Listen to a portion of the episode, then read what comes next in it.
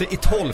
Imorgon är det Lucia men idag är det Premier League-podd här från Sportbladet. Patrik Syk heter jag, med mig har jag Kalle Karlsson tillbaka efter en veckas frånvaro och Frida, du är här som alltid. Dig kan man lita på. Ja, det är skönt. Ja.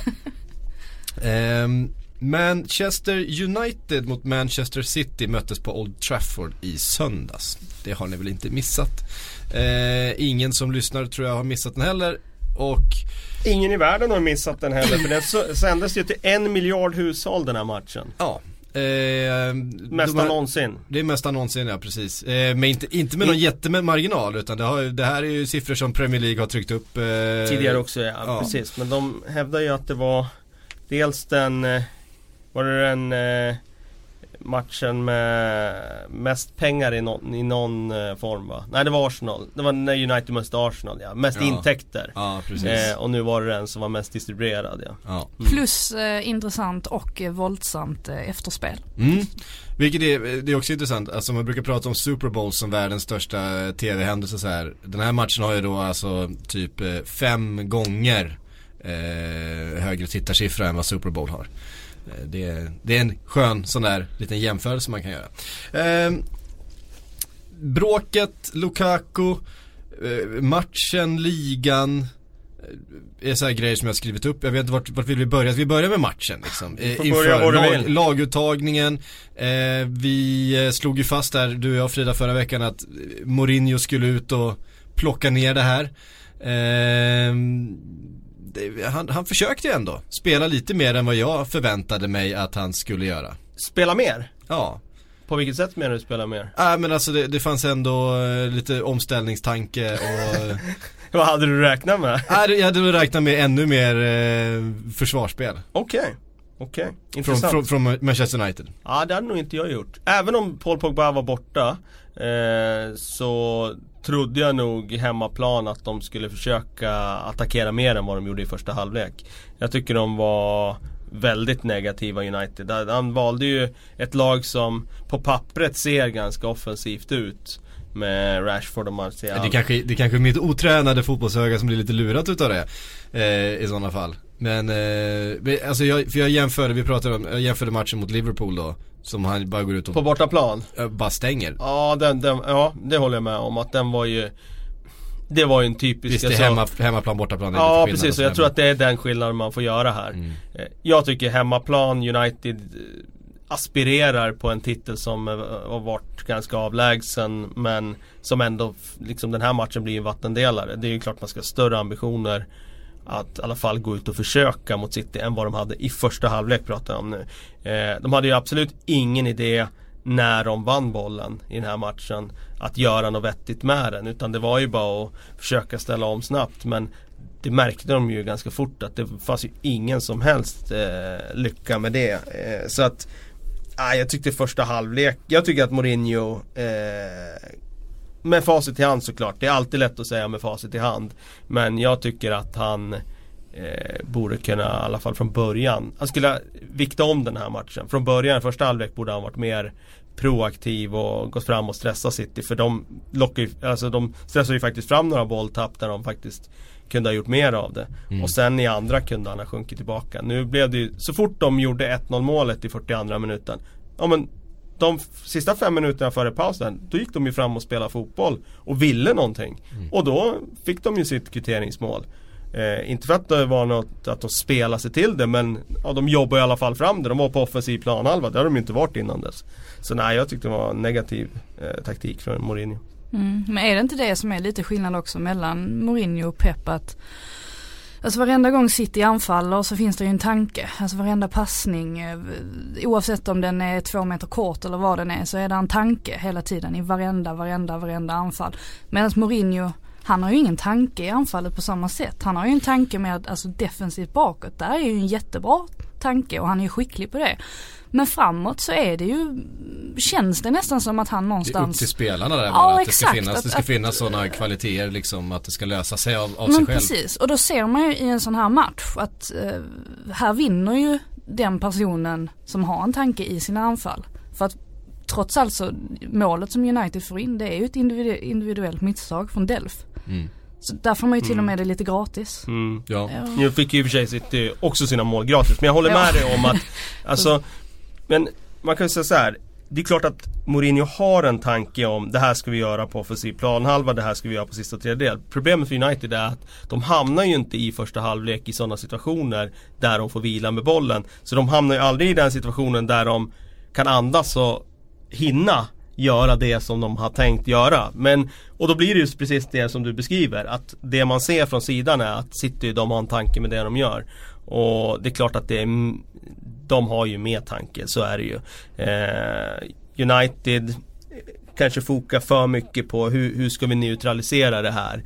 Och då blir det liksom att man tappar bort sig i det mot, eh, mot vad man själv ska göra med bollen. Liksom. Mm. Vi har varit inne på eh, Romelu Lukaku. Ehm, vi pratade om det inför här hur viktigt det var att, att han spelade, att det skulle finnas en, en, en, bra, en target, att eh, lätta på trycket med någon som kunde hålla fast bollen. Men det, han är ju liksom en skugga utav den spelaren som han var i inledningen på den här säsongen. Va? Och det känns ju som att det är sen Zlatan kom tillbaks in i, i eh, diskussionen som hans form fullständigt har bara, jag vet inte, flugit ut genom fönstret. Ja, jag tyckte inledningsvis så, så såg det jättespännande ut med honom där uppe och, och som du säger att han, han gjorde mycket mål och sådär och så kan han ju inte riktigt leverera i de här matcherna där det, eh, som är lite större så att säga mot de lite större lagen. Och jag vet inte, jag tycker inte heller att han ser ut att ha självförtroende nog. Eh, sen kan man givetvis diskutera också om han ens ska vara i egen box vid fasta situationer för att jag menar mot Arsenal var det ju, det var ju det var en gång där också, det var ju då när de Gea fick göra den här superräddningen. Det var ju Precis. för att han eh, fick någon snedträff. Eh, Exakt, det på hela men givetvis sådana misstag som han gör där. Det är väl klart att man får ännu sämre självförtroende när man gör, när man gör det blir ju som en ond spiral. Mm. Eh, har ju, för man får ju ändå säga att alltså, visst när Zlatan kommer in, det blir ju inte jättestor skillnad. Det blir ju ingen super, nej. han kommer ju inte in och kliver in och sen så bli- blir det en helt annan match. Eh, så på det sättet så kanske man inte kan vara för hård mot Lukaku men visst trodde Han man får mer ju om också ett honom. läge, han, han, han får ju ett läge där han skjuter mitt i nyllet. ja, precis, eh, på Ederson och, och mm, Fan det måste ha känts alltså. Ja. Eh, men han studsar upp. Eh, Han gör ju en fantastisk dubbelräddning där Ja, Ederson. ja. Eh, vi hyllade ju de Gea här om veckan. Vi får hylla Ederson för den dubbelräddningen. Den är helt matchavgörande. Och, Men där ska men det ju vara mål. det är klart det ska vara mål och det är klart att eh, Lukaku i form och Lukaku som eh, liksom för två, tre månader sedan drar ju dit den där. Det är klart Mm. han ska göra det. Och signifikativt för hans form just nu för den är inte bra. Och jag tycker alltid han har haft problem i sitt allround-spel. Det är där han inte är någon klassspelare utan han, han är en, en tank och han gör mål. Får man ju också tillägga mot lite sämre lag. Mm. Det, så är det ju ofta. Eh, Och gärna, gärna, gärna allround- 3-1 och 4-1 målet. Ja det har vi också liksom varit inne på tidigare. Men allround-spel alltså, jag tycker inte att han har Saknar lite för mycket i touch och, och liksom relationerna med sina lagkamrater för att det ska vara klockrent. Liksom. Det, är, det, är inte, det är inte rätt beslut tillräckligt ofta. För att vara liksom, en forward på den högsta, högsta, högsta nivån. Mm. Är det en anledning tror ni att han eh, senare då efter matchen också är en av de som är inblandade i det här bråket som eh, vi vet ganska lite om ju när, när eh, det är ju mycket, det är mycket uppgifter då till olika eh, brittiska medier, The Guardian hade uppgifter det ska ha kastats vattenflaskor, det ska kastas mjölk. Ja, alltså grejen var väl Eh. att, att när uppgifterna först kom så lät det inte så himla farligt. Och det lät ju som att eh, man tog det Mm. lite med en klackspark. Att det hade Eh, grä, grälats lite. Ja, och, på och portugisiska och, ja, precis. Ederson och, och Mourinho hade, hade skrikit åt varandra. Men sen senare under kvällen så kom ju The Guardians reporter med, eh, då var det ju helt plötsligt eh, blod och Arteta blödde i huvudet, huvudet och flaskor hade kastats och Lukaku var inblandad och det blev så mycket större. Ja, Arteta känns som den sista killen i världen som man kan se framför sig i ett, i ett slagsmål. Alltså, Han är ju väldigt sympatisk. Ja men han är ju Arteta. oerhört sådär Nästan Men vi Ja, vet ju inte vad som har hänt säga, här. Det kanske bara var så men- att det kom en flaska flygande. Vi vet Ja. ju inte vad han har Nej, gjort. vi vet och- inte vad som har hänt och vi, Så att det, vi är- det är vet ju svårt väldigt att... lite. Men, men det är intressant att det händer. Ja det är det ju och det är klart att det kommer ge en extra krydda till, eh, till resten av den här säsongen och returmötet och rivaliteten som såklart byggs Mm. upp med de här lagen när de slåss i toppen mot varandra. För Uniteds största rival har ju genom åren varit Liverpool snarare än City men Mm. eh, det är klart om man slåss i toppen eh, mot ett lag och det blir den här typen av händelser så är det klart att Och den rivaliteten har ju handlat om att Liverpool och Manchester United har slagits i toppen Ja, i decennier. Och nu är det ju snarare Manchester City och United som slåss i toppen och då, det är klart att det handlar ju om sportsliga framgångar i slutändan så då, då eh, och, och under, under, under ett antal år kan vi ju säga att, att, att Arsenal och Manchester United var, hade en, en rivalitet som Ja. var på den här nivån också. Det var är när de två var etta och två. Alltså, Så är det. det är nästan viktigare för rivaliteterna än, än geografin ofta. Ja men sen är det ju märkligt också, Mourinho, varför ska han ens gå dit där? Om det nu är så som vi har förstått, Ja, varför ska han gå det, dit? det tvivlar jag inte en sekund på. Att han skulle Ah. gå in och försöka förstöra lite för deras firande. Ja, det har precis, jag det, det inga blir som ju, helst det problem blir ju med. någonstans tramsigt. Varför går inte han in i omklädningsrummet och, och säger åt sina spelare att lyssna nu här, nu spelar de jättehög musik, de kastar konfetti i omklädningsrummet. Vem tog med konfetti förresten till match? Det jättekonstigt. Ja, men eh, han skulle ju använt det här som en sorts tändvätska till sina spelare. Istället blir det någon sorts, att de liksom ska gå in och bli några party crashers och, och förstöra fest. Alltså, jag, Han är jag ju, tyckte han han, använde det fel. festförstörare. Ja, det är han ju. Det är hans andra namn. Men är det, är det inte, kan det vara ytterligare en sån här fokus ska riktas åt annat håll? Precis. Ja, precis. Jag håller helt och hållet med dig Frida. Det, det är ju vad en, vad en, vad en normal, sansad tränare skulle gjort tror jag. Men- Använder du Sansad och Mourinho i samma mening? Nej det är det, det, det, jag- det, är det jag inte gör. Utan det, alltså en, en normal sansad tränare hade nog snarare sagt, titta de får fira där inne. Du, liksom, vi hade det här, vi hade kunnat göra det här och försöka få dem till att, att eh, ta med sig någonting och skicka en, en tanke eh, med spelarna ifrån matchen. Men Mourinho är ju Mourinho. Han eh, hittar ju sätt att flytta fokus ifrån prestationer, ifrån svaga former hos sina spelare till eh, helt andra narrativ. Ja, Vilket ja. ju händer den här gången också. Men han har inte lyckats helt här för att nu har det ju ändå i England skrivits en hel del om just att eh, jag, jag har sett det på flera håll att just det att eh, ett, ett lag som Manchester United, ska de verkligen utmåla sig till underdog med de resurserna de har, den historien de har, de investeringar de gjort de senaste åren. Alltså, ska de ha eh, en hemmamatch mot Manchester City där de går in och känner sig slagna på förhand. Vi kan inte matcha det här på något sätt. Eh, ska man verkligen det?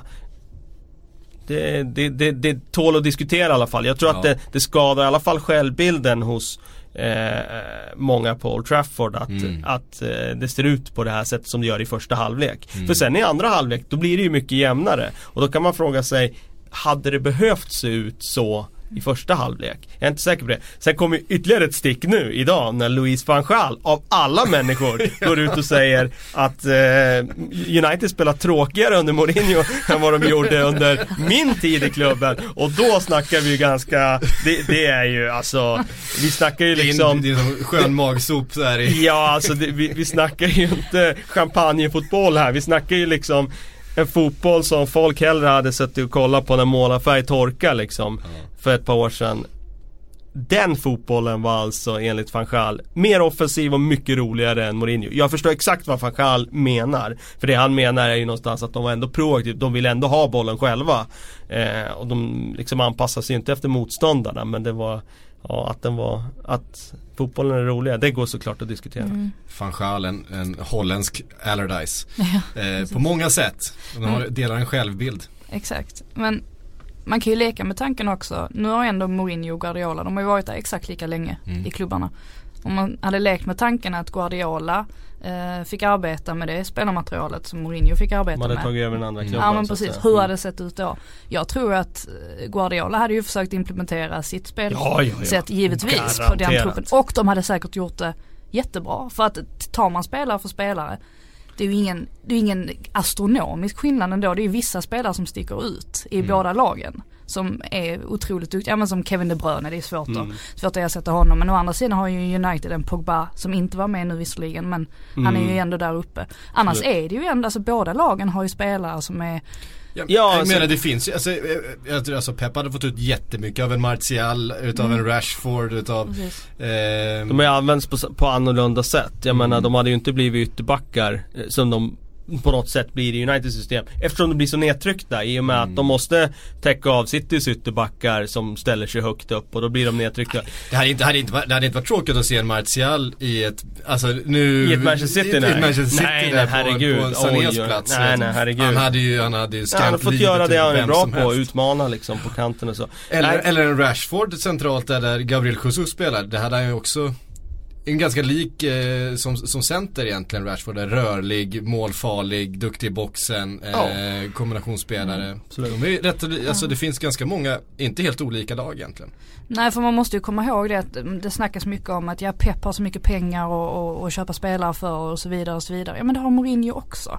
Eh, och, och någonstans har de haft ungefär lika länge på sig. Å andra sidan så har väl City, det har väl känts som att de har haft en mer utstakad plan för att de ville att Guardiola skulle ta över City och har väl således kanske försökt arbeta lite. Han hade ett mer tacksamt, eh, tacksamt uppdrag kanske när han kom till, eh, till City än vad Mourinho hade när han kom till United. Men i det, det stora hela så. Ja. Det hade han ju, men, men samtidigt man får också säga så här, alltså ett lag blir ju kanske ännu mer idag än för 20 år sedan men ett lag blir ju en spegelbild av tränaren. Mm. Och precis som du säger att han hade ju satt sin prägel på laget. Vad hade det inneburit för värvningar? Ja, jag kan tänka mig, hade Pep kommit till Manchester United, Småling ut. Han hade tillräckligt bra passningsfötter för att spela mittback Nej. i ett Pep-lag. Ut med honom, in med en mittback som är mer spelande. Daley Blind, ja förmodligen kanske haft en framtid ändå som mittback i ett Pep-lag. Eh, som man hade under van Gaal, samma mm. typ av grundtänk. Eh, det är klart att det hade ju satt en helt annan, alltså Ja, det är klart han har värvat fler spelare. Jag tror han värvat 17 medan Mourinho har värvat 7 spelare sedan han kom. Mm. Men hade Pep kommit dit hade ju han bytt ut fler för att sätta sin prägel på laget. Ja. Så det är klart att eh, det hade varit enorm skillnad. Och man kan också se på de stora besluten. Mourinho har alltid velat ha en stor fysisk centertank i sitt lag. Mm.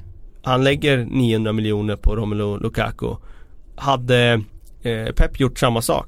Jag är inte säker. Han, han hade haft... han gjort det en gång, det var Zlatan till Barcelona. Ja precis och jag menar eh, han, och då är ju inte Zlatan och Lukaku riktigt jämförbara heller. Men han hade ju haft Rashford då, som är en Jesus. En, en Gabriel Jesus. På, äh, inte exakt likadan men de är ju ganska lika i, i, sin rörlighet och så vidare. Ja det kanske inte ens hade varit 900 miljoner som hade lagts där. Och det hade ju varit pengar som kunde använts på annat sätt då. Så ja, jag tror, alltså, återigen, alltså ett lag blir ju en spegelbild av, av tränaren och det hade varit enorm skillnad och det Jag tror inte City hade varit det laget som har kommit dit och liksom Ja i och för sig, de hade bytt plats då. Så Mourinho ja. hade varit i City. Ja då kanske de hade varit det laget som har kommit dit och, och anpassat sig efter United då. Det, ja det hade det förmodligen varit. Ja. Mm.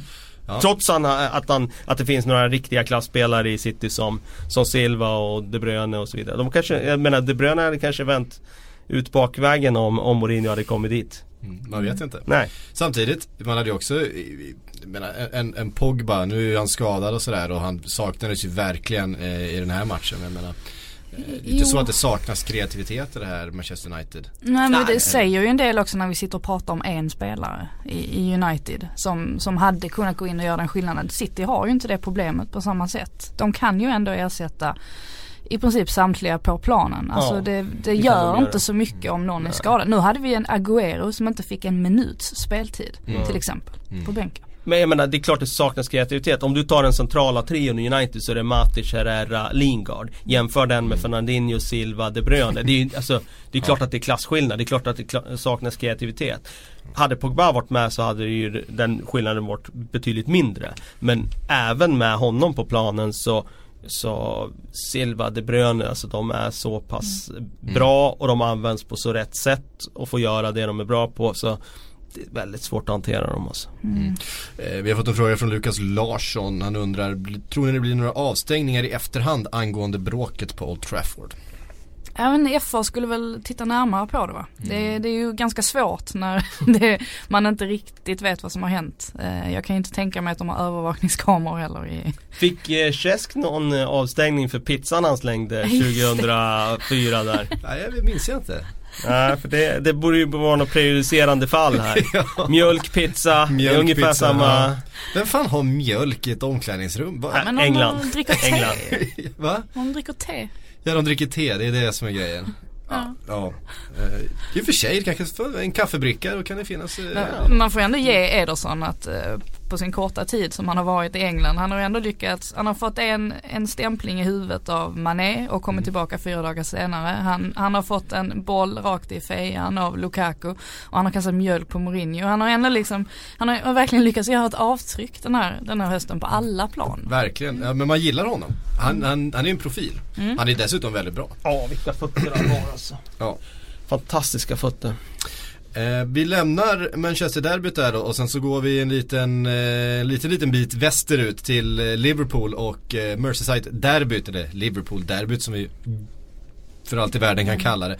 Ehm, Nu måste du svara på, var du lika upprörd som Klopp var efter, efter slutsignal? nej, alltså eh, Klopp måste ha sett den där situationen ur en väldigt speciell vinkel. Jag tycker också att straffen är ganska, eh, ska man säga, den är inte helt solklar alltså. Det, det, man, tittar man på det ur flera vinklar så kan man absolut se Från vissa håll ser det ut som straff, från vissa håll ser det absolut inte ut som straff. Eh, sådär, men fan. Det blir en straff, det är inte helt, det är, det är inte, det är liksom ingen katastrof. Alltså det är ingen, det är ingen skandal att det blev en straff där. Jag blir mer upprörd över att Mané inte spelar bollen när de är tre stycken mot en. Och man kan stänga matchen och göra 2-0 precis före halvtidsvilan och Everton inte har något anfallsspel överhuvudtaget. Så eh, det, det är där som poängen förloras egentligen mer tycker jag. Men eh, ah, jag vet inte. Klopp är ju en känslo, känslostyrd herre. Ja det, det, allra, det allra roligaste med den situationen, eller den intervjun efteråt där, det var ju att han var ju han, han menade ju, det han sa var ju i princip att det skulle inte ha varit straff för att vi har spelat roligare fotboll över 90 minuter. Det, det, det, det, det, det ju inte... Det kan jag i och för sig köpa. Ja, Det, det, det, det, tycker jag är, en, det tycker jag är ett, ett eh, bra argument. han, du tycker det? Ja. och han försöker liksom förklara att det är man inte ska så ha- det funkar. Det Nej, han, han det, var en rolig, det var en rolig intervju, det får Ja, man ändå säga. ja, var den kommer helt- nog gå vevas lite då och då den där. Ja, han var inte helt balanserad i, Nej. just där. Och sen- jag tycker ändå att han brukar inte gå snett på det sättet Klopp i, eh, alltså han brukar ju vara väldigt duktig ändå på eh, balansera Oavsett hur upprörd han har varit på linjen så när det väl är Mm. te- postmatchintervju så brukar han vara väldigt bra på att hantera sig själv Mm. Det var han ju faktiskt inte den här, den här gången så tappade han ju lite fattningen på ett Ja. sätt som jag inte trodde han skulle göra Men hur Ah. ser du på det? Du, liksom, vad, hur känns det för dig liksom att eh, Klopp som tidigare ändå har varit så jäkla skicklig i hur han framställer sig själv i alla sammanhang liksom. Att, Jag har inga större problem med det. Han var, han var upprörd. Eh... nej jag förstår att du inte har några problem med det. Men jag menar, är, är det lite oroväckande för dig att han lite, alltså liksom känslan av att han inte riktigt eh, i balans? Eh, nej, jag tycker inte det. Alltså det här det är inte första gången. Det, har- det har eh, varit fler tillfällen tidigare där han har eh, uppträtt på ett liknande sätt och det har eh, Okej. inte hänt så mycket efter det utan det, det har varit enstaka tillfällen och han tycker att det har varit någonting och sen så, så släpper han det. Han, han, han tar ibland med sig den där matchkänslan en liten bit efter matchen också när det har hänt någonting sent eller när det har hänt eh, jag tror att det var mycket affekt, jag tror att han har lagt det bakom sig. Jag tror inte det är någonting som hänger kvar någon längre tid hos honom. Ehm, Men det roligaste var ju ändå på presskonferensen när han frågar hur många här inne tyckte att det var straff? Och majoriteten nästan, nästan, sträcker nästan, upp nästan alla handen. sträcker upp handen. ja, Och han men då bara- säger han ju, ja men då är det jag som har fel då. Så, Nej, han var sarkastisk. så Han menar ju inte det. Det, det hör man ju. Ja, ja, då har jag väl fel då. Säger Ja. han i princip.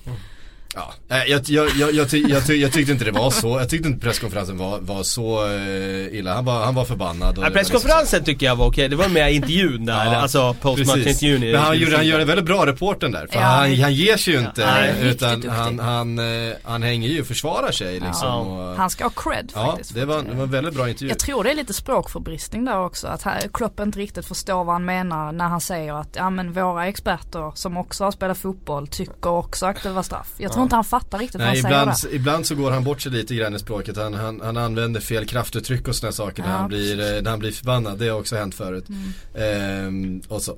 Men men. Eh, Allardyce var ju skön efteråt också. Alltså en, en ja nu får man inte låta sådär men han är han är ju för härlig på något sätt i sin självgodhet efteråt. I en match som de borde ha förlorat med ganska många bollar. Alla dagar i veckan borde de ha förlorat den, ja. Eh, han står ändå efter och känner sig att han, han ska ha cred för det här krysset. ja, det... Men det är ju Big Sammy ja, i ett, det är litet Alardici. Ja, Alardici. Eh, han ja. Eh, kom med en italiensk matchplan och, och, den, och den höll. Nej, det, är, det är en fantastisk värld vi lever i måste jag säga. Det är ju så extremt resultatbaserat ja. det vi sysslar med eh, och det vi bedömer. Och Alltså för mig så, alltså det, Everton ska inte ha någon cred alls i min bok. Alltså det är bara ren flax att de överhuvudtaget kommer därifrån med, med heden i behåll. Eh, det är helt och hållet Dejan Lovrens fel. Eh, han ska inte bjuda på någon straff. Nej. Och går de därifrån, om det så bara blir 1-0 i den här matchen Så hade ju Sam Allardyce fått massvis med kritik för att ni försökte inte ens. Det var derby och ni försökte inte ens. Eh, för det var ju en jag håller med Carragher där han sa att hade, alltså hade de varit lägre med laget då hade de varit i Stanley Park utanför arenan liksom. Alltså, det, det, alltså de står ju liksom eh, nere i eget straffområde. Sen var det i och för sig en intressant taktik, för jag har inte sett det så mycket nu i höst att man verkligen står med två forwards kvar och vänta på omställningslägen. För det gjorde de ju faktiskt mm. Everton. De klev inte ner med forwards också som vi har sett massa andra lag ha gjort. Utan de stod ju faktiskt kvar med Nias och Calvert Lewin och vänta. Men då hade ju också Pickford extremt dålig kvalitet i sina utsparkar. Ja vad hände alltså, han spred Han ju... brukar ju vara bra på det. Ja, mm. Han var ju bättre ju längre matchen led. Så att säga. Ja. Till andra halvlek och så var ju, blev det ju bättre. Men i början där, jag vet inte vad han höll på med riktigt. Så de hade ju ingenting. Nej men alltså man kommer ihåg i Sunderland, då kunde man ju liksom säga, skoja lite om att Pickford hade bäst passningsfot i hela laget liksom. Han var den enda som kunde slå en passning till en medspelare. Men i, i söndags vet jag inte vad som hände. Nej. Det spreds åt alla möjliga håll och kanter. Ja. Sen med det ehm. sagt då så, man landar ju någonstans i att det... Salahs mål är ju värt att nämnas också. För ja, det, det, är, det är ju, han, han är ju i hyfsad form.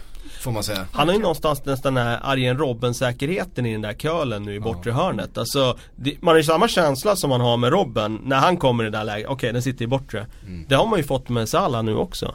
Eh, och det är ju fantastiskt. Mm. Alltså eh, att han liksom har hittat den nivån i, i de avsluten. Tror ni för det här har spekulerats mycket om i liksom Liverpool forum och så vidare. Det är anledningen till att Mané faktiskt inte passar. Alltså Mané som ju har en sån jävla split vision som är så bra på att slå de där passningarna. Han alltid ser vad som har omkring sig. Han är ju eh, normalt sett fantastisk. Han har ju full koll på att det finns spelare i bättre positioner än själv.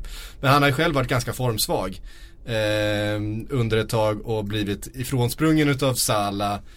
Mm. Tror ni att det spelar in att han väljer att ta avslut där? Eller är det bara att han, han är, ja, han ser att han har ett bra läge och han tar ett skott? Ja, jag, jag tror att det kan vara så. För jag tyckte att i matchen mot Spartak var det lite likadant. Nu vann mm, Jag har också med... noterat det i, i flera matcher att han, han har sett Salah i bättre lägen men, men valt andra alternativ och sådär. Mm. Jag och, kanske är konspiratorisk. Ja här, precis, men... det kan ju vara, vi kanske tar i också. Mm. Uh, men visst tror jag att han känner att han måste börja göra mål. Alltså det... Jag tror också det finns något i det. Mm. Sen uh... Life is made up of many gorgeous moments. Cherish them all, big and small, with Blue Nile. Whether it's for yourself or a loved one, Blue Nile's unrivaled selection of expertly crafted fine jewelry and statement pieces help make all your moments sparkle. Blue Nile's experts are on hand to guide you, and their diamond guarantee ensures you get the highest quality at the best price. Celebrate a life well lived in the most radiant way and save up to 30% at BlueNile.com. That's BlueNile.com. Alltså, det, alltså, han har ju stor skuld i att, att de inte gör 2-0 mm. och dödar matchen. Så jag vill bara säga det, jag tycker att Martina i det läget, han gör ju egentligen fel som försvarare. För de kommer ju tre mot en. Och han ska ju egentligen bara lämna skytten till målvakten där istället för att kliva över. För nu täcker han varken bortre stolpe eller passningen. Nej. Så jag vet inte om man är, blir lite lurad av ett uselt försvarsspel från Martina där. Att egentligen räknar nog med att försvararen bara ska täcka av passningsvägen och möjligen liksom göra det i alla fall. Mm. Men nu hamnar ju Martina i, i mellanläget så att Ja, det ger ju möjligheten att spela den där passningen som man såklart borde ha gjort. Så att jag vet inte om man tänkte att Ja, Martina borde ha gjort det bättre. Mm. Det är ju sen ett uselt avslut. Ja, ja det. det går ju en meter utanför. Ja, eh... Sen är det ju lurigt det där med att vila spelare och sådär. När man gör det och laget vinner då är man geni och när mm. man eh, inte gör, eller ja, liksom när det inte går hem för att det kommer en, liksom en slumpchans. För det var ju verkligen ingenting mm. annat som skedde och de borde ju såklart ha gjort fler mål. Ja men då går du därifrån och är idiotförklarad liksom. Mm. Alltså alla ska göra ett mål till på den nicken, nicken han har, till exempel. Sen finns det ju andra lägen, massa hundra halvlägen runt ja. straffområdet som de ska göra mer av liksom. Ja. Ja, det är en massa fina skottlägen som går. Ja. Salah har ett jättefint skottläge som man drar upp på rad Z liksom och sådär. Ehm, och eh, äh, äh, vart var jag skulle komma eh, därifrån? Jo, det, mittfältet var du som var helt roterat från eh, Champions League tidigare i veckan när eh, då var det Chan, Wijnaldum och Coutinho som spelade på de där tre platserna och nu var det Henderson, Milner och eh, Oxlade Chamberlain. Så mm. det, det, är klart, fullständigt roterat mittfält. Eh, ändå så kan man dominera en sån här match. Det säger faktiskt kanske egentligen mer om Everton än om, om eh, Liverpool. Samtidigt, vilken enorm skillnad det varit i första halvlek om med Coutinho på plan. Mm. Alltså med Coutinho på plan där, då tror jag det är minst 2-0 i den halvleken. Just för att det är precis den egenskapen de saknar på plan då, som han har. Och ja, där ser man ju varför det blir vanskligt att släppa han till Barcelona en dag. Det, det kommer mm. att vara svårt att ersätta den kvaliteten. Mm. Samtidigt så, menar, det är så mycket matcher nu. Nu är det match eh, imorgon Absolut. igen. Eh, Absolut. Eller på onsdag ska väl Liverpool spela igen. De ska möta West Bromwich och sen så är det match till helgen och sen så mm. Ja, så håller det på så här och det har varit Champions League så att det eh, Vi kommer till Chelsea som vi ska komma till i nästa match som inte roterar sitt lag och sen gå på pumpen då. Och då får man skit för att man inte har vilat ja, spelare och att ja. spelarna ser trötta och slitna ut istället. Du är något på spåren här. Man kan aldrig vinna. Nej. Som så, tränare, man kan bara förlora. Nej, alltså, Antingen så gör du ett jobb eller så, så gör du det dåligt. Ja, det enda sättet att undgå kritik är att vinna. Så är det. Precis. Ehm, och vi går vidare till den matchen då. Eh, David Moyes fick äntligen eh, Du skrattar Frida, det, det, det var ja. för att du började skratta som jag gjorde det. Nej men det, jag vet inte, när jag ser Arnautovic dels göra sitt första mål, han kastar sig ut i publikhavet, David Moyes knyter näven i luften. Alltså man, ju, man kan inte låta bli att känna lite för dem ändå. Mm. Uh, Samtidigt, jag, jag, jag, blir också så här med, med just Arnautovic. Han går ut och han firar som att han har gjort eh, ja. Vart har du varit resten av säsongen? Ja, du har inte tagit ja. jobbet en match som jag har sett med West Ham. Fy fan vad han har fuskat alltså. Ja, han var inte riktigt värd de där. Eh. Men eh, ja, det var ju skönt för honom att få göra mål i alla fall. Tog en varning på firandet och blev utskild av Mark Noble liksom. Ja. Men det kanske det var värt då om det var första fullträffen. Ja det noterade jag också, Mark Noble var framme, vad fan gör du så här alltså, och drar på? För han, han har ju hela tiden gult kort i sig, Arnautovic. Precis, och det är det Noble vet. Han ja. vet ju, det här är ju en tickande bomb resten av den här matchen nu liksom. Han kan ju ta en varning när som helst. Ja. Nej det var ju eh, Eh, det var ju en otroligt välbehövlig seger för David Moyes och jag skrev där efteråt att, eh, att jag, jag, tog upp det här med att han är ett football genius. Det var ju såklart med en ironisk underton. Jag tycker inte att han blir det för att eh, de besegrar Chelsea utan det är ju fortfarande så att eh, de vinner en match där de eh, eh, parkerar laget extremt lågt. Eh, det här var ju det som, eh, ja den här liksom trenden vi har sett att lag blir lägre och lägre och lägre i den här ligan tyvärr. Och det blir extremt defensivt spel. Jag, set, jag, ja, jag sätter fortfarande ett frågetecken kring Kan Mois göra det mot Huddersfield och de här andra lagen när de måste skapa mer själva och vara mer liksom proaktiva? Jag vet inte. Nej, det var ju inte så att de skapade speciellt mycket. Nej, eh, och, och Chelsea hade ju kunnat göra, göra några baljer i den här också. Det studsar inte deras väg. Liksom. Nej, och det, man är ju så extremt eh, behov av att få första mål i en sån här match. Och det Ja. blir liksom så otroligt avgörande.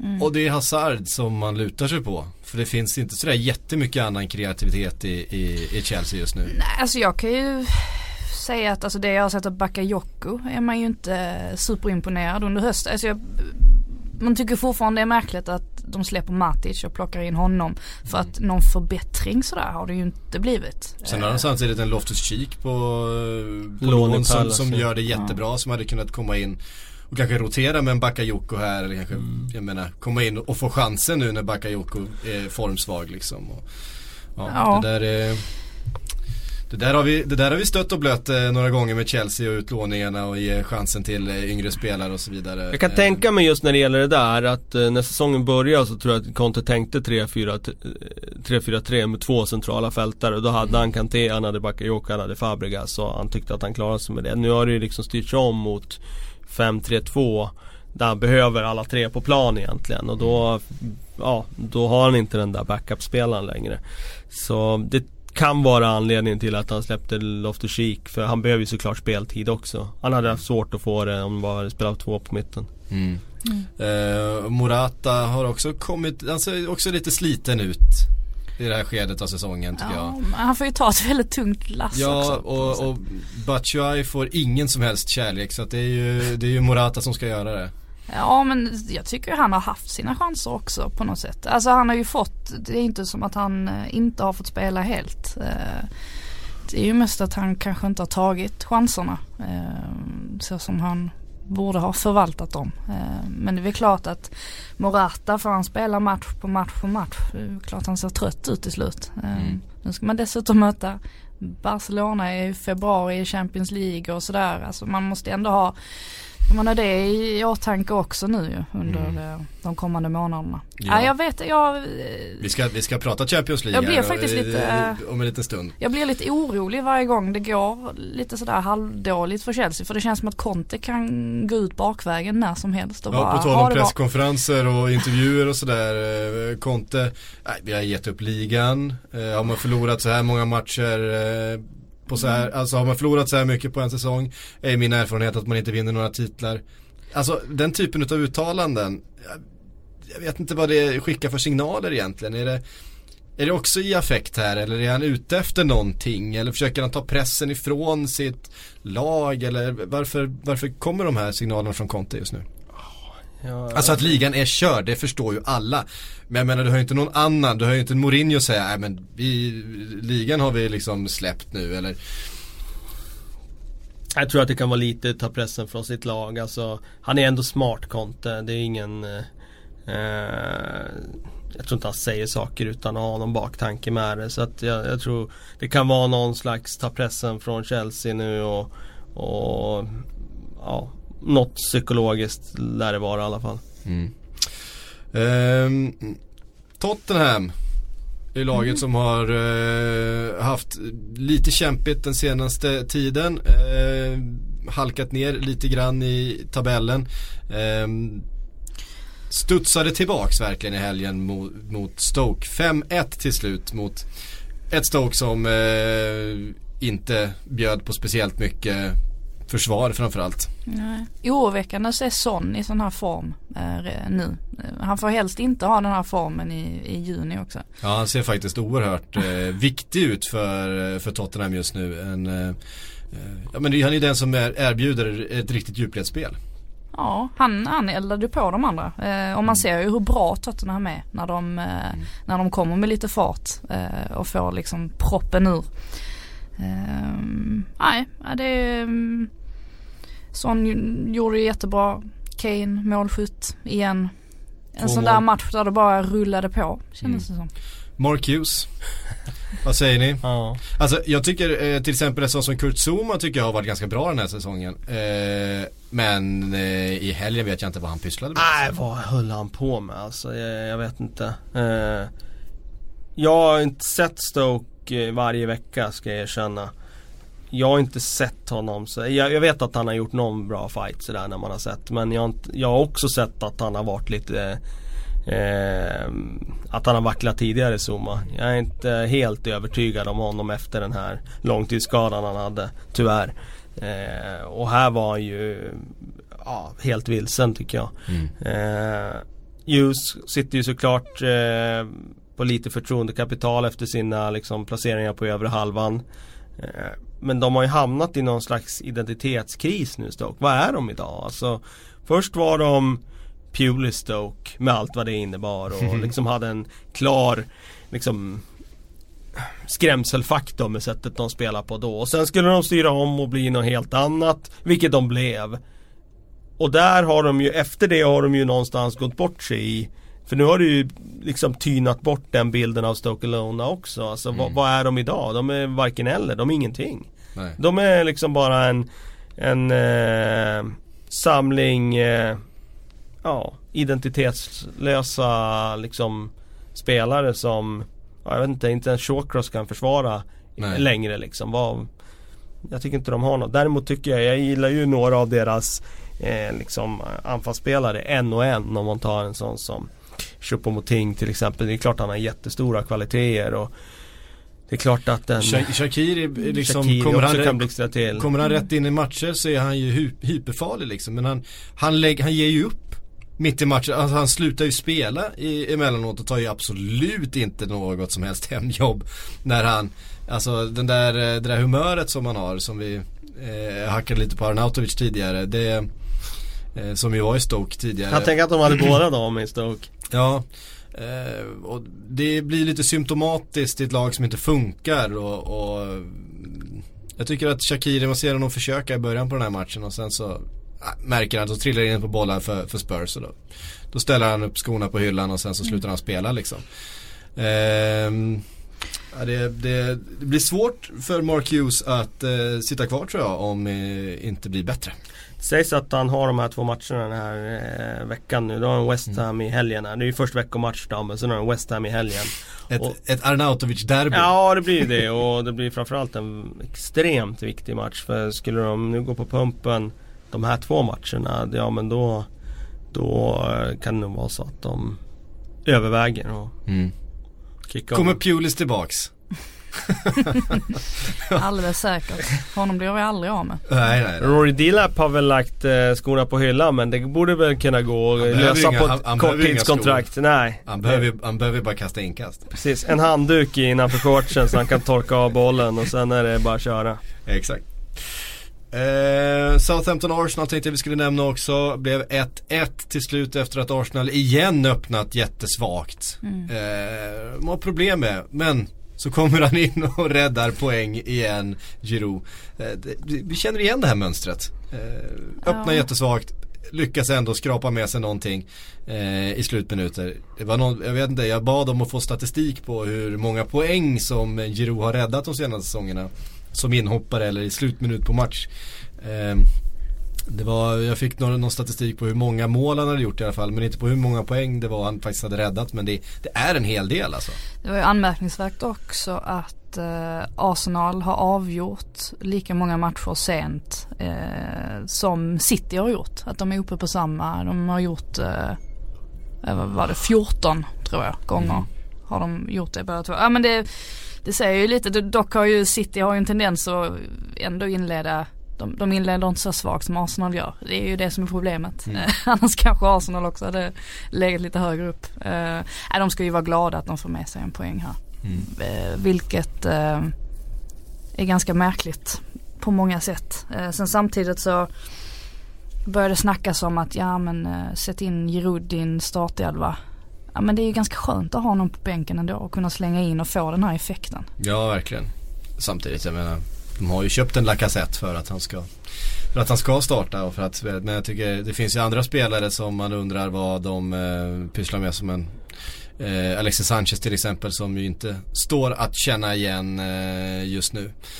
Eh, Får inte en riktig balans på det där centrala fältet heller alltså. Det, det, det, blir som en sån där återkommande grej men Granit Xhaka och Aaron Ramsey liksom. Ja, och det, det... Ramsey är ju har ju jättekvaliteter när det handlar om att ja, offensivt spela fram sista passningen och fylla på i andra våg och så vidare. Precis. Men det är klart att det, det kostar ju också när han fladdrar runt som han gör. Mm. Och så har du bara Granit Xhaka kvar. Som inte heller är han blir inte det där stoppet som Kanté blir i andra lag eller som Matic blir. Mm. Och det är det som jag tycker är Arsenals problem just när det handlar om balansen på centrala fältet. Sen får man ju säga att Mertesacker såg inte riktigt eh, eh, förtroendeingivande ut heller nu. Nej. Eh, tyvärr. Nej. Nej, De måste nästan ha in en mittback nu alltså, i Mm. januari. Ja, de måste ha in en mittback och en central mittfältare. Jo. Det känns. Man skulle de få det så tycker jag de har ett så- intressant lag. Ehm, för många andra delar eh, tycker jag sitter. Men eh, ja.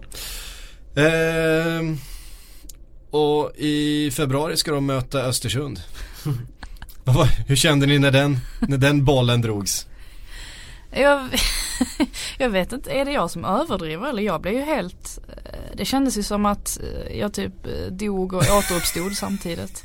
Det var ju, det, det är starka känslor. Ja det, det får man säga. ja, jag, jag tycker ju detta är det största som har hänt på, på hur många år som helst. Men det, Ja, det är verkar ju- inte som det att är ju någon väldigt, väldigt roligt. Nej det är ju jäkligt roligt. Det är, Så är det. Största som har hänt, det vet jag inte om jag ska Men så långt, men det var ju jättekul såklart. Det är Ja. superroligt. Det är ju nästan på nivå när, när MFF drar eh, PSG och Real Madrid och Ja, det är det men precis Eh, den, den, den känslan. Det är, men på något sätt blir det ju Det nästan här, ännu är, större. det här blir ännu större av den anledningen att MFF vet ju, de kommer få ett riktigt stort lag. Här vet du ju inte riktigt att de kommer Här få, här kan det bli liksom Victoria bara- Pilsen också Ja liksom. precis, och Ja. det hade varit hur osexigt som helst. Ingen hade brytt sig mer än eh, av de som har sett deras matcher hittills i Europa League. Nu blir det ju en jätte jätte grej. Mm. Eh, Östersund kommer få PR över hela världen. Och... Eh, Ostersunds Ja, som alla precis. skriver. Ja. ja, Jag har inte förstått det där. Guardian har förstått det nu. Jag såg i Ja. deras text, de har förstått det. De har förstått det, för Ja, de Mirror hade inte förstått det Nej, igår. okej. Eh, Men det var någon eh, framstående som skrev och betonade att det skulle vara eh, Östersund bara liksom. Mm. Men eh, vi får se om de har lärt sig till februari. Mhm. Men just det, och sen med, med Potter, det kommer skrivas så enormt mycket om Potter. Det har ju Eh, redan, redan skrivits en hel del. Nu har det skrivits, han har uttalat sig och det är i februari. Wenger har uttalat sig om Potter. Wenger har uttalat sig om Potter och eh, när vi väl är framme i februari så kommer det skrivas eh, dokument om hans resa där. Det har ju redan gjorts det. Mm. Men eftersom det blir som fokus då på att Arsenal verkligen ska möta dem så kommer han få en uppmärksamhet i England som han inte har fått tidigare. Och jag är helt övertygad om att den här lottningen kommer hjälpa honom till ett jobb i England. Mm. Oavsett om det är i Premier League eller Championship. Men det här kommer ge sån PR för den resan han har gjort där att någon klubb kommer att nypa honom och som sagt, ge ett år så, så är han i England tror jag. Mm. Och inte minst eh, spelarna också. Eh, det är klart att de vill stanna nu när de kan få möta Arsenal i Europa League. Mm. Alltså man skrattar ju när man säger det, det är ju så, det är så overkligt. Ja. Eh, nej men en sån som Saman Ghoddos som, som kändes osäker till exempel. Mm. Eh, han kommer ju han kommer ju vilja ha den här chansen. Ja, men Vilket var- varför, varför, varför har man en fotbollskarriär? Varför, varför fortsätter man gnugga på liksom så här Om inte för de här stunderna liksom. Ja, Men är man en fotbollsspelare på den här nivån Det är man drömmer om, så Ja, är det ju. precis. Så är det liksom, ja men varför ska man liksom gå vidare och spela någon annans, alltså det här är ju, man, att få uppleva saker.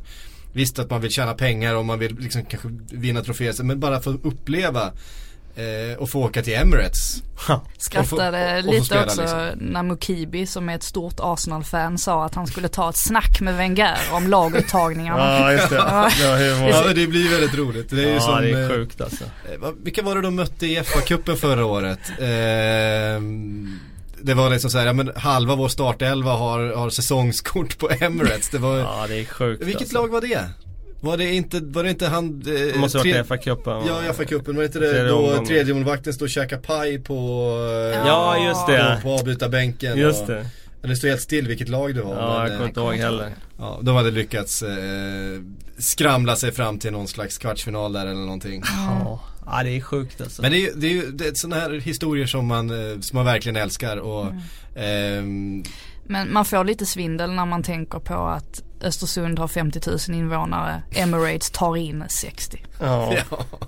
Man mår inte riktigt bra då, det känns konstigt. Alltså det blir så här, det blir för... det, man, man hoppas ju också, alltså, man hoppas ju på, på att det verkligen ska vara 15 minus när de spelar liksom. Det ska vara precis på gränsen. Man vill att domaren ska ut och fatta ett beslut före matchen om det går att spela fotboll här eller inte. Den där exotifieringen, den, jag välkomnar den. Ja, verkligen. Eh. Chelsea var ju uppe och mötte Tromsö en gång i tiden. Ja, Luca Vialle grät väl där på plan nästan över bara liksom hur vinden bara bet i kinderna på honom. Så att eh, det finns absolut möjligheter att skrälla på hemmaplan. Det Sen så- tror jag det blir tufft eh, Emirates att stå emot. Ja, men, eh, ja, ja det, det det, blir- det, det, Det, är kommer ju såklart det inte. avgörs. Det känns ju som det. Alltså är det någonstans de har en liten chans så är det ju på Jämtkraft Arena. Ja, men alltså de, de har ju kanske en procents chans att gå vidare från det här dubbelmötet skulle jag säga.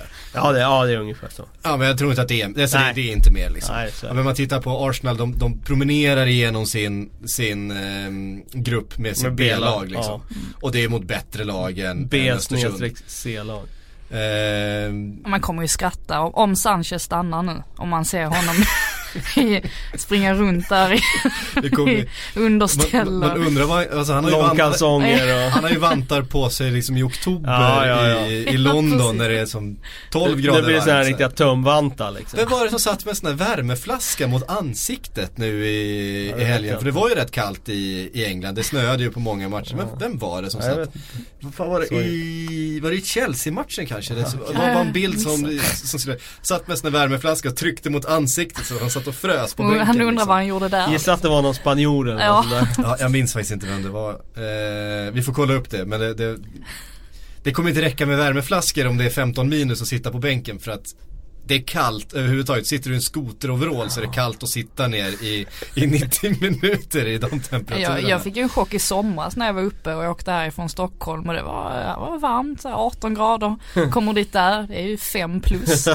Och på, på läktarna så hade ju folk vinterjackor på sig. Jag hade ju inte, jag var ju så dum, jag hade ju inte tagit med mig tjocka kläder. Det, det säger ju lite när till och med en svensk tycker att det är kallaste laget. Och, Ja. Nej, det, det blir kul. Det är, vi, vi i den här podden eh, tycker enhälligt att det här är väldigt roligt i alla fall. Eh, Champions League har det lottats till dessutom. Fem engelska lag vidare. Hade Spanien någonsin fem lag i, eh, I åttondel? I, i åttondel samtidigt. Eh, under tiden som de de dominerade ju och hade fem, fem. lag med. De hade fem lag i gruppspelet ju. Gick Sevilla vidare? Det gjorde de väl nästan De- va? De gick ju vidare förra Ja, året. Eh, Ja det gjorde de, jo men hade inte de fem lag? då? Hade de fem lag Jag i, tror det. i eh, Jag tror det. åttondelen då? Jag tror det. Ja. En gissning bara men ja. Mm. Eh, England har det nu i alla fall. Eh, tre, tre ganska fördelaktiga lottningar och två väldigt, väldigt tuffa lottningar. Så kan vi väl sammanfatta Intressanta det. lottningar. Intressanta lottningar. Eh, börjar med Manchester United som eh, lottades mot Basel. Nej, inte mot Basel va? nej, Sevilla. Nej, mot Sevilla, förlåt. Eh, nu blandade jag ihop det bara därför. Ja. Det får man väl se som en, en eh, bra lottning i deras fall. Ett Sevilla som ju är ganska långt ifrån eh, det laget de var när de eh, radade upp Europa League-titlar Ja, och de är långt under ifrån det Unai lag- Emery. De är långt ifrån det laget de var under Sampaoli också. De är inte, jag har sett dem en del nu och, ja, mot Liverpool bland annat Mm. och där sprattlar inget- de ju till men eh, i en andra halvlek där. Men, och efter det har de inte heller varit speciellt bra så att nej, nej. Det är inget eh, annat än en eh, klar favorit eh, för United där. Mm.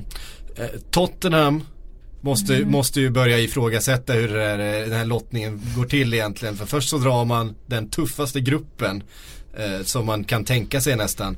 Eh, vinner den och får Juventus i åttondelen. Det känns inte rättvist. Nej, livet är inte rättvist. Nej. Det är bättre att sluta om nu. Slipper man göra det sen. Om man ändå ska vinna turneringen ja, Mm, så är det ju. precis. Ja, det där, det där är ju den största lögnen i fotbollen. Om du ändå ska vinna turneringen måste du ändå slå alla. Nej, Nej. du behöver Nej. faktiskt inte det. Det räcker med att du slår fyra stycken. Ja. Ja, det, nej men de, de har ju överpresterat i Champions League eh, den här säsongen. De har ju sett bättre ut där än i ligan. Ja, Eh, så det ja kan så nog ge slår man Real Madrid så får man ju säga att man har gjort det bra. Och då kan man slå Juventus också. Mm. Absolut. Ja, ja, de är på inget sätt eh, Nej, det, avskrivna. här, nej det är de absolut inte. Tottenhams problem är ju att de saknar ett B-lag. som kan gå in och ersätta. De saknar ju bredd och djup i den där truppen. Eh, men i alla friska och hela så har de ju en startelva som kan mäta sig med Ja det har vi sett med vilket lag i Europa som helst i stort sett. Mm. Eh, och en Harry Kane som är Harry Kane. Eh, Liverpool eh, lottades mot Porto. Porto som gjorde det bra i, i sitt gruppspel. Men eh, Liverpool mm. får ändå anses vara favoriter. Ja, stor favorit för mig. Jag tyckte inte Porto eh, det förvånade mig att de faktiskt seglade igenom den här gruppen för jag tyckte inte att när jag såg i början av turneringen så imponerade de inte på mig. Eh, spelmässigt så. Så att eh, ja, jag tror att Liverpool tar det här. Det är också ett Porto som är rätt långt ifrån sina högsta höjder ja, som precis. de har varit eh, tidigare år. Mm. Eh, det var ju en usel grupp. Alltså man hade ju helt fel. Man trodde att Monaco och Leipzig.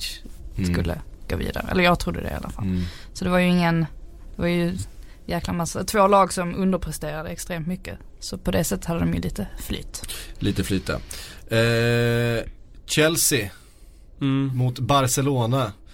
Eh, ja, där, eh, det är väl där tillsammans med Tottenham då som, som det engelska laget inte går in som favorit.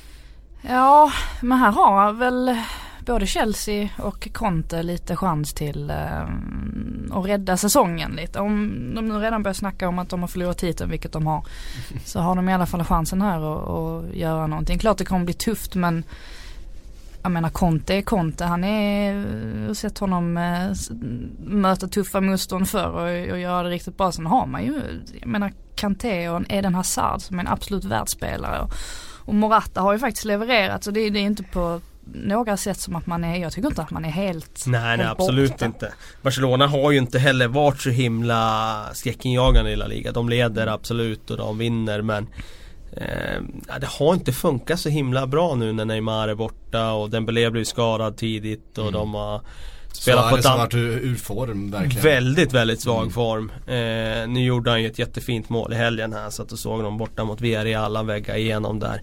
Och eh, gjorde 1-0 målet där. Eh, men Nej, det, det, de är väldigt, de är mer, jag skulle säga, mer Messi-beroende nu än vad de varit på flera år faktiskt. Mm. Ta bort honom ur leken, nu spelar ju han varje minut i och för sig då, men, mm. men eh, då, då, är, då är de inte mycket längre. För Iniesta har ju också tappat. Mm. Så jag menar, tar du bort Neymar, Suarez, Iniesta, tar bort ganska många procent från dem. Mm. Ja, det, är, det är typ bara Messi kvar. Alltså, mm. de, de är inte så himla bra Barcelona. Däremot det är klart de fortfarande har ett väldigt bra lag liksom men eh, de är inte alls som de var tidigare. Nej. Eh, nej man förstår ju varför de eh, ansträngde sig rätt hårt för att få loss Coutinho i, eh, i somras. Ja det skulle betyda enormt mycket för dem att få in den typen av spelare nu. Mm. Eh, ja, honom får de alla även om de skulle lyckas få loss honom i januari, det kommer väl eh, ryktas en hel del om det eh, framöver. Sillypodden tillbaks på måndag för övrigt. Eh, Fick du in det också? Jajamän, jajamän.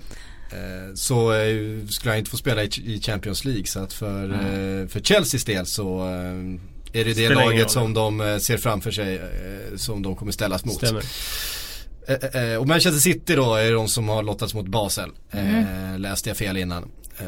Ja, alltså inget lag vill ju ha Manchester City. Nej. Det är ju bara så. Och ett Basel är ju inte ett lag som kan göra någonting åt ett Manchester City. det skulle förvåna mig något alldeles oerhört. Ja, Då skulle jag också dö och återuppstå om Basel går vidare från det här dubbelmötet. och det är också sådär att eh, Basel för några år sedan hade ett lag som eh, ja, men kunde stå upp mot, ja, men vi, vi, vi såg dem mot Chelsea, vi såg dem mot mot Manchester United, vi såg dem mot Liverpool. Eh, lyckas med saker, men då hade man spelare som sen har gått vidare, man har blivit sönderköpta på många sätt. Nu är det ju liksom eh, Granit Xhakas brorsa, vet han? Taulent. Taulent mm. eh, Xhaka som är där på mittfältet. Ja. Och, Nej de har inte alls lika namnkunnigt lag och de har en ung orutinerad tränare och så vidare. Jag tror att de på hemmaplan är de fortfarande bra för där har de alltid varit bra. Men eh, borta har de ju kapitulerat flera gånger. Var det inte de som åkte förlora mot Bayern borta med 7-1 eller något jo. sånt där. Mm. Så att, de har ah. ingen, de har ingen Berang Safari på, på mitten heller. Eller på, heller. På, på kanten heller som kan filma till sig ett rött kort för motståndaren. Nej, jag är inte bitter. Nej, det hör vi. Eh, enda Markovic gjorde i Liverpool det var att han gick in och var riktigt, riktigt bra i en Champions League-match eh, mot Basel tills Safari filmade, han fick ett finger på nästippen. Slängde, vräkte sig ner i gräset. Markovic fick rött kort och sen så blev det kryss till slut i den matchen som Liverpool var tvungna att vinna. Ja, så kan det vara. Gräver vi fram gamla, gamla eh, sår. Vi har fått en del frågor, vi har några minuter kvar så vi hinner svara på ett par stycken. Bengt Gunnarsson skriver, varför pratas det inte om att Bellerin, eller Beijerin ska man kanske säga, är överskattad? Dålig första touch, dåliga inspel samt senast ifrånsprungen av Redmond. Hade Jedlin gått in från start i Arsenal? Nej, det hade han inte. Jag tycker Jedlin är kanske ligans sämsta högerback. Men eh, Eh, ja, nej, Bellerin har eh, efter den där otroliga hypen han hade för ett par år sedan när han skulle hem då till Barcelona. Han uppmättes för den högsta eh, topphastigheten bland alla spelare i ligan och så vidare så har eh, det inte hänt så mycket mer. Nej, mycket, mycket flyttrykten på honom ju innan. Det mm. snackas om Barcelona och hela köret. Det gör det ju inte längre. Um, jag vet inte, men är det inte lite signifikativt för, för hela laget någonstans också? Att uh, det känns ju inte som att det är speciellt många som har kommit upp i, upp i nivå den här hösten uh, i Arsenal. Um, Fick ju en del kritik förra säsongen, Beijerin. Mm. Jag vet inte om man är så hypad längre. Nej. Han var ju det för två år sedan. Ja precis. Nu längre. Det, det, jag har inte hört någon som har hypat honom senaste året. Nej. Kan ju ha varit att jag missade. Vi har mest pratat om hans eh, hiskliga frisyrer. Eh, senaste året. Ja, Per-Axel Fredriksson undrar, eh, och äntligen Per, eh, Per-Axel. Combo 11 av dagens City och Invincibles. nu har jag bett om denna i fyra veckor i rad. Det är gött snack ju. Ja, det är gött. ja, då måste det, vi bjuda det, på det. är det. gött snack. Så får vi, får vi bjuda till lite här. Ja. Eh, ja, men målvakt blir Ederson. Han är ju bättre än Lehmann. Ja, du tycker det? Ja, det tycker jag absolut. Ja. Eh, Försvaret, där måste vi väl kunna stoppa in lite Arsenal-spelare. Ja, Campbell in. Mm. Kolo Touré in också nästan mittback. Men det är klart, John Stones, som han spelar, då skulle jag ta han före Kolo Touré. Du skulle det, så som Kolo Touré spelade den, så som, den säsongen? Så som Stones spelar nu i höst så skulle jag ta han före. Okej, okay, men... Eh, men det, det, så, det är jämnt. Kolo var, Kolo var bra såklart. Ja, Sol Campbell och John Stones eh, centralt. Ja, det hade varit ett fint mittbackspar. Ja, ja, verkligen. Eh, ytterbackar? Ja, vänster är ju svårt att komma förbi Ashley Cole, alltså det går ju inte. Ja. Alltså, det, du, du får gilla du... Fabian Dell för mycket du vill men han eh, visar ju helgen att han har ju lite brister defensivt så att... Eh... En skadefri Mendy alltså, kanske? Ashley, Mendy, före mm. Ashley Cole? Ja, Ashley, Ashley Cole Alltså nu är vi uppe och pratar om kanske den bästa vänsterbacken i Premier League, i Premier League någonsin. Ja. Alltså det som han eh, ja, det är svårt nådde upp till där. där. Jag tycker också att Mendy, att Mendy är jättebra men han, han kan inte peta Ashley Cole Nej det går än. fan inte alltså. Han kanske gör, precis, han kanske, han kanske gör han det i framtiden. Han riktigt än. Han kanske gör det om några år men, men äh, Ashley Cole tycker jag är given där. Ja, alltså. och, det får han nog Vem hade Lauren. på höger Lauren. Lauren ja, just det. Ja, ja, ja Walker, Walker eller Walker bättre va? Ja, vi kan väl stoppa in Walker Ja, vi gör det. Sen kommer vi då till den eh, mest intressanta delen på planen för att här har vi till exempel en Ljungberg till vänster. Ehm... Nej, har Ljungberg till höger, Pires till vänster. Ja, så, så var det de spelade ja. Sen, eh, det är ju ett 4-4-2 mot Vira ska in. Vira ska in, så han får ju ta rollen istället för Fernandinho där då. Ja, alla dagar i veckan. Och sen blir det ju De Bruyne Silva eh, någonstans, alltså som offensiva mm. mittfältare. Och sen har du ju till, eh, ja, längst fram ensam på topp då. Arsenal spelar ju inte så men det får ju bli någonstans Henri ensam på topp då. Ja, han är svårpetad känner jag. Thierry Henry från den säsongen. Det, det, jag, vet inte, jag vet inte vem i, i Premier Leagues eh, historia som skulle peta honom. Nej, sen har du Pires till vänster. Han var ändå vald till de där åren där. Inte just mm. den säsongen men de där åren. Han valdes ju typ ligans bästa 2002 där. Så att det, det definitivt för eh, Sané och Sterling så på, mm. på, eh, på vänsterkanten där. Och sen är det högen då, Sterling eller Ljungberg. Jag, jag, skulle nästan säga Sterling faktiskt. För att just nu så nu, snittar han... Nu, nu får du många arga Arsenal-supportrar på dig tror jag. Ja men alltså Sterling nu snittar ju på ett mål per match. Ja, eh, det gjorde ju aldrig Ljungberg. Nej, det gjorde han inte och det är klart att han var extremt bra under den där våren där Ljungberg. Det är ju jämnt såklart. Eh, men nu snackar jag bara högsta nivå. Jag snackar Mm. inte vem som har gjort mest i sin karriär och så vidare. Då är det klart Ljungberg Nej nu får vi prata om de här säsongerna. Ja, jag snackar ju liksom. bara högsta nivå nu och jag tycker Sterling nu som han har spelat den här hösten så Så håller jag kanske honom högre. Han, han som sagt, han nästan snittar ett mål per match. Mm. Ja det är, det är bra. Sen har ju ytterspelet förändrats. Men å andra sidan så Ja, det, det är klart man skulle ha in en Bergkamp också. alltså. Det, Ja fan Bergkamp är ju en sån favorit. Vad fick vi då? Ett 4-1, 4-1? ja, typ. Eh, ungefär då va? Kan funka. Rätt offensivt lag. Men Vira! Det var en jävel som kunde täppa till och ta fighten. Han hade varit en bra kloss där på mitten faktiskt. De hade, Arsenal hade ju haft nytta utav en Vira idag. Hur många gånger har vi sagt det sen Vira lämnade Arsenal att fan de skulle behöva ha en Vira på mitten där igen. Eh, det, det, måste vara, det måste vara det mest slitna omdömet Ja, kring, kring, kring Arsenal Ja, de senaste tio åren. De har inte lyckats ersätta Vira. Ja. Ja. Ehm, och vart hittar man sådana spelare idag? Ja, de växer fan inte på träd alltså. Ligue 2. Nej, till och med Ligue 2 börjar ju bli, eh, det är många som har Utplockat. koll på. Ja. Mm. Eh, eh, eh, nästa fråga från Sampe. Är det dags att ge upp kompani? Alltså ge upp kompani kan man inte göra nu när man, när man har eh, en Stone skadad och det är, man har ju inte överflöd på mittbackar direkt. Nej. Eh, så det tycker jag väl inte. Det ju, känns ju jättekonstigt om man skulle göra sig av med honom. Eh, men det är klart, det är ju olyckligt att han blir skadad gång på gång och tvingas byta. Det är, Man får ju acceptera att det är faktumet att han har den här väldigt problematiska skadan i, i eh, vaden är det va? Mm. Eh, som eh, är av den här karaktären att Han att han, kommer måste, upp den ja. Att han kommer slå upp den hela tiden, att han hela tiden måste skannas och hela tiden måste vårdas så att han Han kommer inte spela mer än kanske hälften av matcherna på en säsong Ehm, han är rostig nu kompani och, det, alltså. och, och det gör ju att hans kvalitet sjunker Ja. för varje säsong ganska Ja. snabbt nu också man såg det mot Leicester också när han gjorde den där vansinnestacklingen Just det, på Vardy. skulle ha fått rött kort då Ja, egentligen. Det, det, man, han, man såg ju på honom, han trodde ju att han Ja, skulle ja, få ja, rött. han var jättelättad när det bara Ja. blev gult. Ja.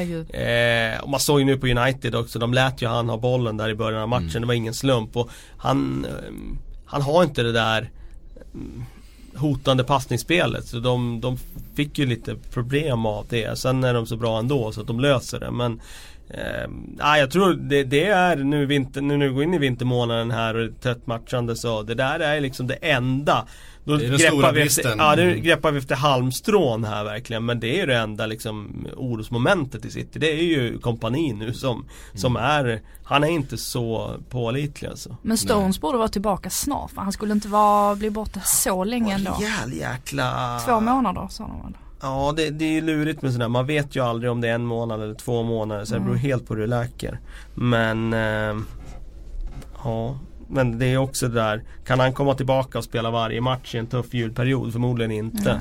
Nej. Ehm, så, men, men jag tror utifrån hur frågan ställdes, jag antar att de menar om det går att få in en annan mittback i januari, Mm. typ en van Dijk eller så, ska man dumpa kompani? Nej, behåll honom, låt han vara ikonen kompani. Mm. Eh, Han är ändå den som har varit med hela den här resan ja, liksom Exakt.